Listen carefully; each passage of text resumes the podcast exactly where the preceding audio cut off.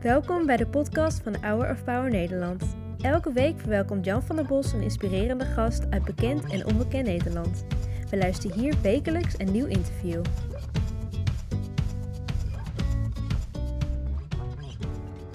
Prachtig eh, kerstlied. En eh, weet je wat ik zo mooi vind? Dat eh, toen Jezus geboren werd, dat de hemel openbarstte. En daar gaat dit lied ook over. En dat de engelen boven de velden van Efata gewoon van gewone herders zongen dat hun de heiland eh, was geboren. Wat leuk dat jullie zijn. Tijmen, jij bent de oudste van eh, het gezelschap. Stel jij je broertjes en zus even voor. Ja, eh, hier hebben we Jaël, Gideon, Ezra, Julian, Joshua en Juda. En Juda. Leuk, zo'n huis vol. Gaat het de hele dag... We zitten nauwkeurig netjes, maar toen ze straks binnenstormden... wist niet meer waar ik kijken moest. Hoe doen jullie dat, zo'n groot gezin? Het, het gaat zoals het gaat, zeg maar, heel vaak. Dus ehm, het ergens zijn we natuurlijk ook gewend. Voor ons is het normaal om een groot gezin te hebben. Eh, je groeit er ook in. Dus eh, voor de kijkers is het altijd wel van, eh, wow, dit is wel... eh, die, die zijn verbaasd over hoe wij het doen. Dus voor ons is het nou, niet vanzelfsprekend. We ervaren het wel als een zegening. Ja. Ehm, eh, soms is het heel druk bij ons in huis eh, en hectisch. En, eh, Ja, want je woont gewoon in een tussenwoning, hè? Niet in een enorm huis met twintig kamers of zo. Ja, Dus je zit op elkaars lip. Sadie, jij bent een psycholoog. Dus eh, hoeveel psychologie is er nodig bij zo'n groot gezin? in theorie weet ik wel eh, dingen hoe ze zouden moeten, maar in de praktijk doe ik het heel vaak zelf niet. ik probeer gewoon in eerste plaats moeder te zijn. Gewoon er zijn en eh, juist niet te veel te psychologiseren, gewoon, gewoon er zijn. Ja. Ja, Want Maarten, je hebt zo'n bijzonder verhaal. Je was eerst visboer Hm. en nu ben je dominee. Dat is heel toepasselijk, hè? Vissen van mensen. Ja. En eh, mijn vader is ook eh, predikant en ik heb ook nog een broer die eh, predikant is. Eh, dus we zijn er wel mee eh, opgegroeid. En, eh, maar we wonen toen in Katwijk, dus het was ook wel vis, hè? Vis Ja. en Katwijk, dat hoorde natuurlijk wel erg Ja. bij elkaar. Ja. ja. Als je nou je kinderen rond de tafel ziet, wat wil jij ze voor de toekomst meegeven? Wat vind je het allerbelangrijkste voor je gezin? het, nou, het allerbelangrijkste is dat ze zelf een persoonlijke relatie krijgen met, eh, met de Heer Jezus. En, en eh, nou ja, het is geen eens toekomstige tijd, maar we merken dat heel veel er al echt mee bezig zijn. Dus daar word ik gewoon het meest gelukkig van. Ja, en het belangrijkste voor de toekomst. Ja, heel veel mensen zeggen, ik hoop dat mijn kinderen gelukkig worden. En natuurlijk, dat gun ik ze van harte. Maar dat is niet het hoofddoel. Het hoofddoel is echt dat ik hoop dat eh, het gewoon mannen gods worden en een, vrouw gods, zeg maar. Dat eh, God, er ook, God er ook blij mee is. En, Ja. ja. en dat, dat, dat klinkt een beetje vroom, maar ik bedoel het echt oprecht. Ja, Ja. dat zie ik ook in het programma. Want waarvoor zijn jullie meegedoen aan een huis vol? Ja, gewoon omdat het mooi is om iets moois mee te geven. Omdat eh, iets van de liefde laat zien eh, die we hebben voor elkaar. Eh, en ja, toch ook wel. we hebben ook veel meegemaakt. Daar zullen we misschien straks nog wel even wat Ja. over noemen. Ehm, eh, het verlies van, van onze dochter. Ja. En ook dan, zeg maar, door die moeilijkheden heen, dat je dan ook laat zien van we kunnen ook gewoon met elkaar weer leven. En, en iets moois laten zien Ja. eh, met elkaar. Ja. Ja. en jongens, een van de leukste scènes eh, vond ik eh, dat jullie een kinderdag hadden.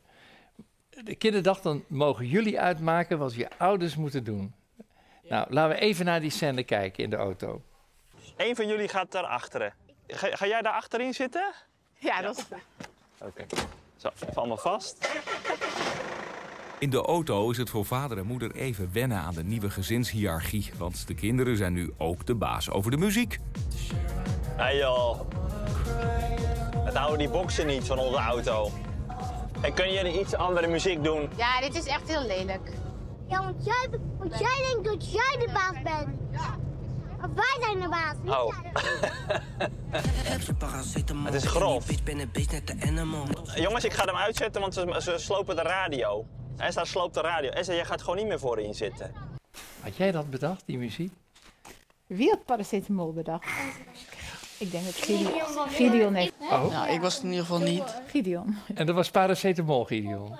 En je vader zei, en nou is het afgelopen. Ja. Dat wil ik niet horen. Ja, eh, toen moest ik wel even ingrijpen, want Ja. ja. ja, dat, dat, dat ging wel echt wel te ver, eh, Ja. dat, dat nummer vond ik. Maar goed, ja, dat, zo gebeurt dat natuurlijk in eh, een groot Ja. gezin. Ja. Ja.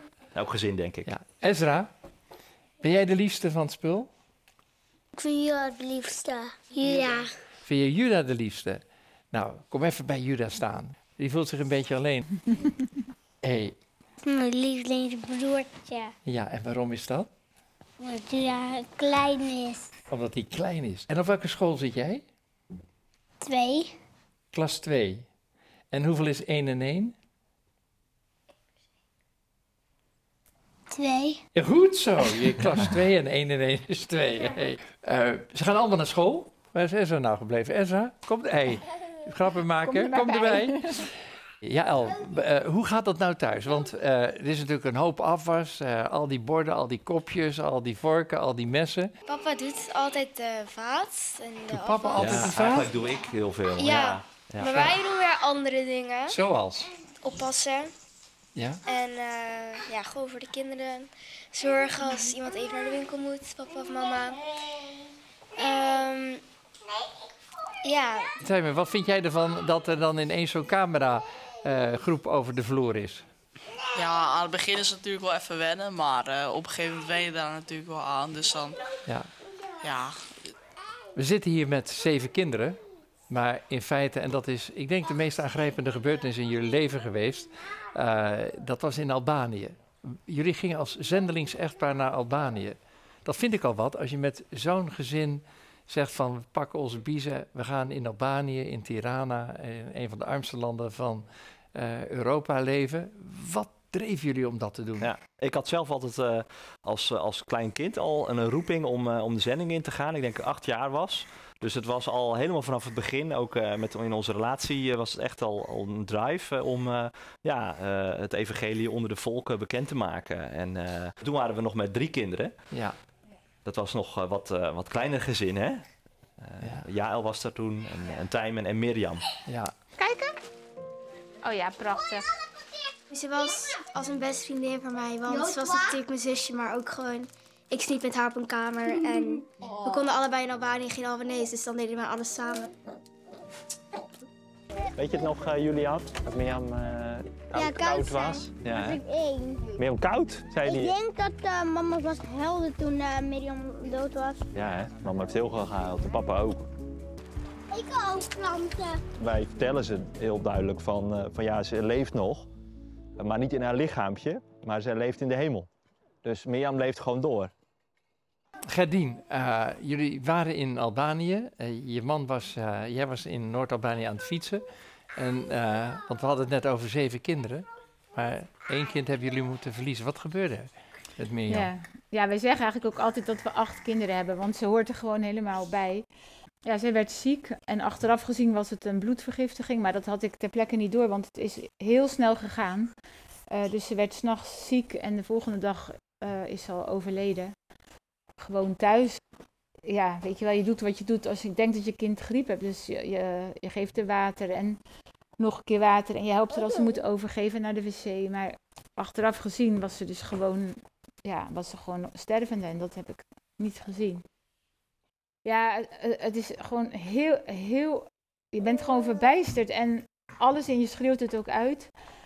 Ehm, en tegelijk handel je, want ik heb wel gereanimeerd en we zijn nog naar het ziekenhuis gegaan, want ergens kan je het gewoon niet. Het, kan er zo niet in dat ze opeens eh, dan dood zou zijn. Dus alles in je vecht om haar terug te krijgen. En ik heb ook heel erg inderdaad gebeden en geroepen.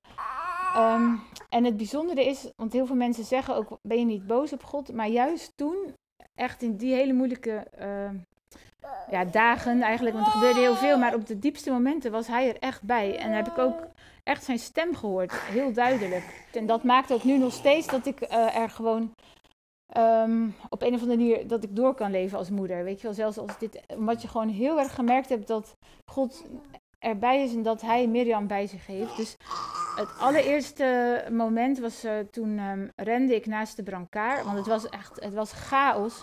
Dus eh, de ambulance had ons bij het ziekenhuis gebracht, maar die bracht ons bij de eerste hulp. En bij de eerste hulp zegt nee, het is een kind, je moet naar de pediatrie. Pediatrie zei nee, het is eerste hulp, dus we moesten naar de eerste hulp. En toen zeiden ze nee, we doen het niet, het is een kind. Dus toen moesten we rennen.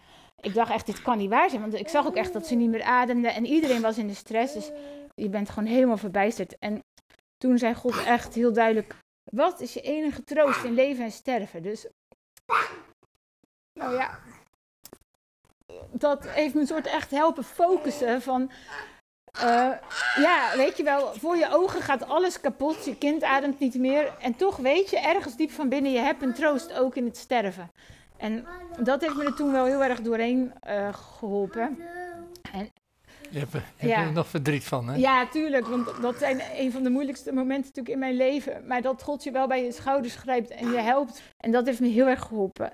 En, en die dag daarna, toen eh, moest ik naar het mortuarium, of dat wilde ik zelf, ik wilde haar afleggen. Want ik wist gewoon, ik wil haar gewoon kleren aantrekken en daar zijn. En opeens zie je dan het lichaam van je kind die autopsie heeft gehad. En toen overweldigde het me ook, want ik dacht echt, dit kan ik. Ik dacht opeens, hoe kan ik dit doen? Hoe kan ik nou.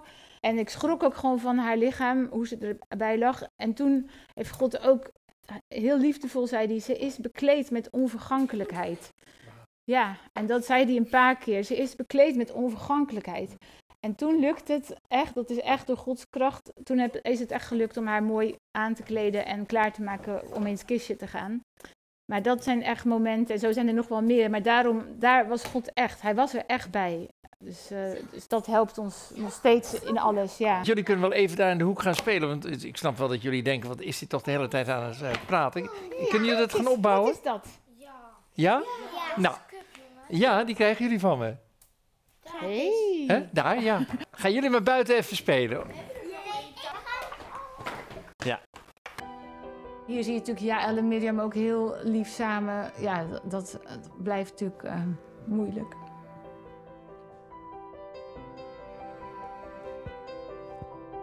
Deze bijzondere familiefoto's lieten Gerdien en Maarten maken toen ze tien jaar getrouwd waren.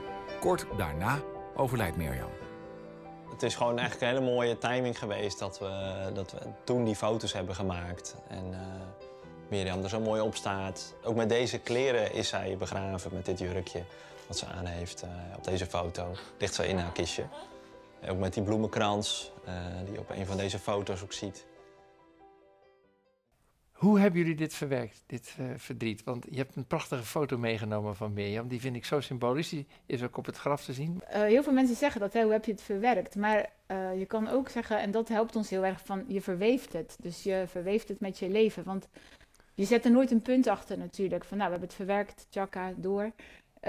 Ja, je, je wil zo door en tegelijk ja, Mirjam bij je houden en het verweven met je leven. Dus dat je, dat je leeft met je blik omhoog. Dus dat je leeft eh, in eeuwigheidsperspectief. En nou, wat heel bijzonder is aan deze foto, dat ervaren we echt als een eh, geschenk van God. Want deze foto is gemaakt een paar maanden voor ze overleed. En dat wisten wij natuurlijk allemaal niet, dat ze zou gaan overlijden.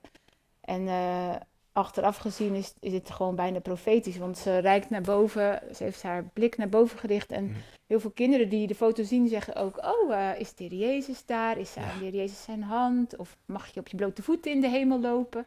Dus het blijft gewoon een heel ontroerende foto. Maarten, jij bent eh, dominee in Gouda. Wat is jouw boodschap aan de mensen? welke omstandigheden je ook hebt, eh, dat God, er, God erbij is. En er zijn heel wat omstandigheden in de, de levens van al die mensen in de internationale kerk waar ik dominee ben. Mensen uit eh, oorlogsgebieden die hier naartoe zijn gevlucht, van alles hebben meegemaakt, allerlei trauma's. En daardoorheen toch eh, God te mogen, te mogen ervaren. En elk verhaal is anders. Dus wij, ik, ik verweef ook heel vaak het verhaal van onze Mirjam in mijn preken. Ja. en vertel daar ook heel veel over.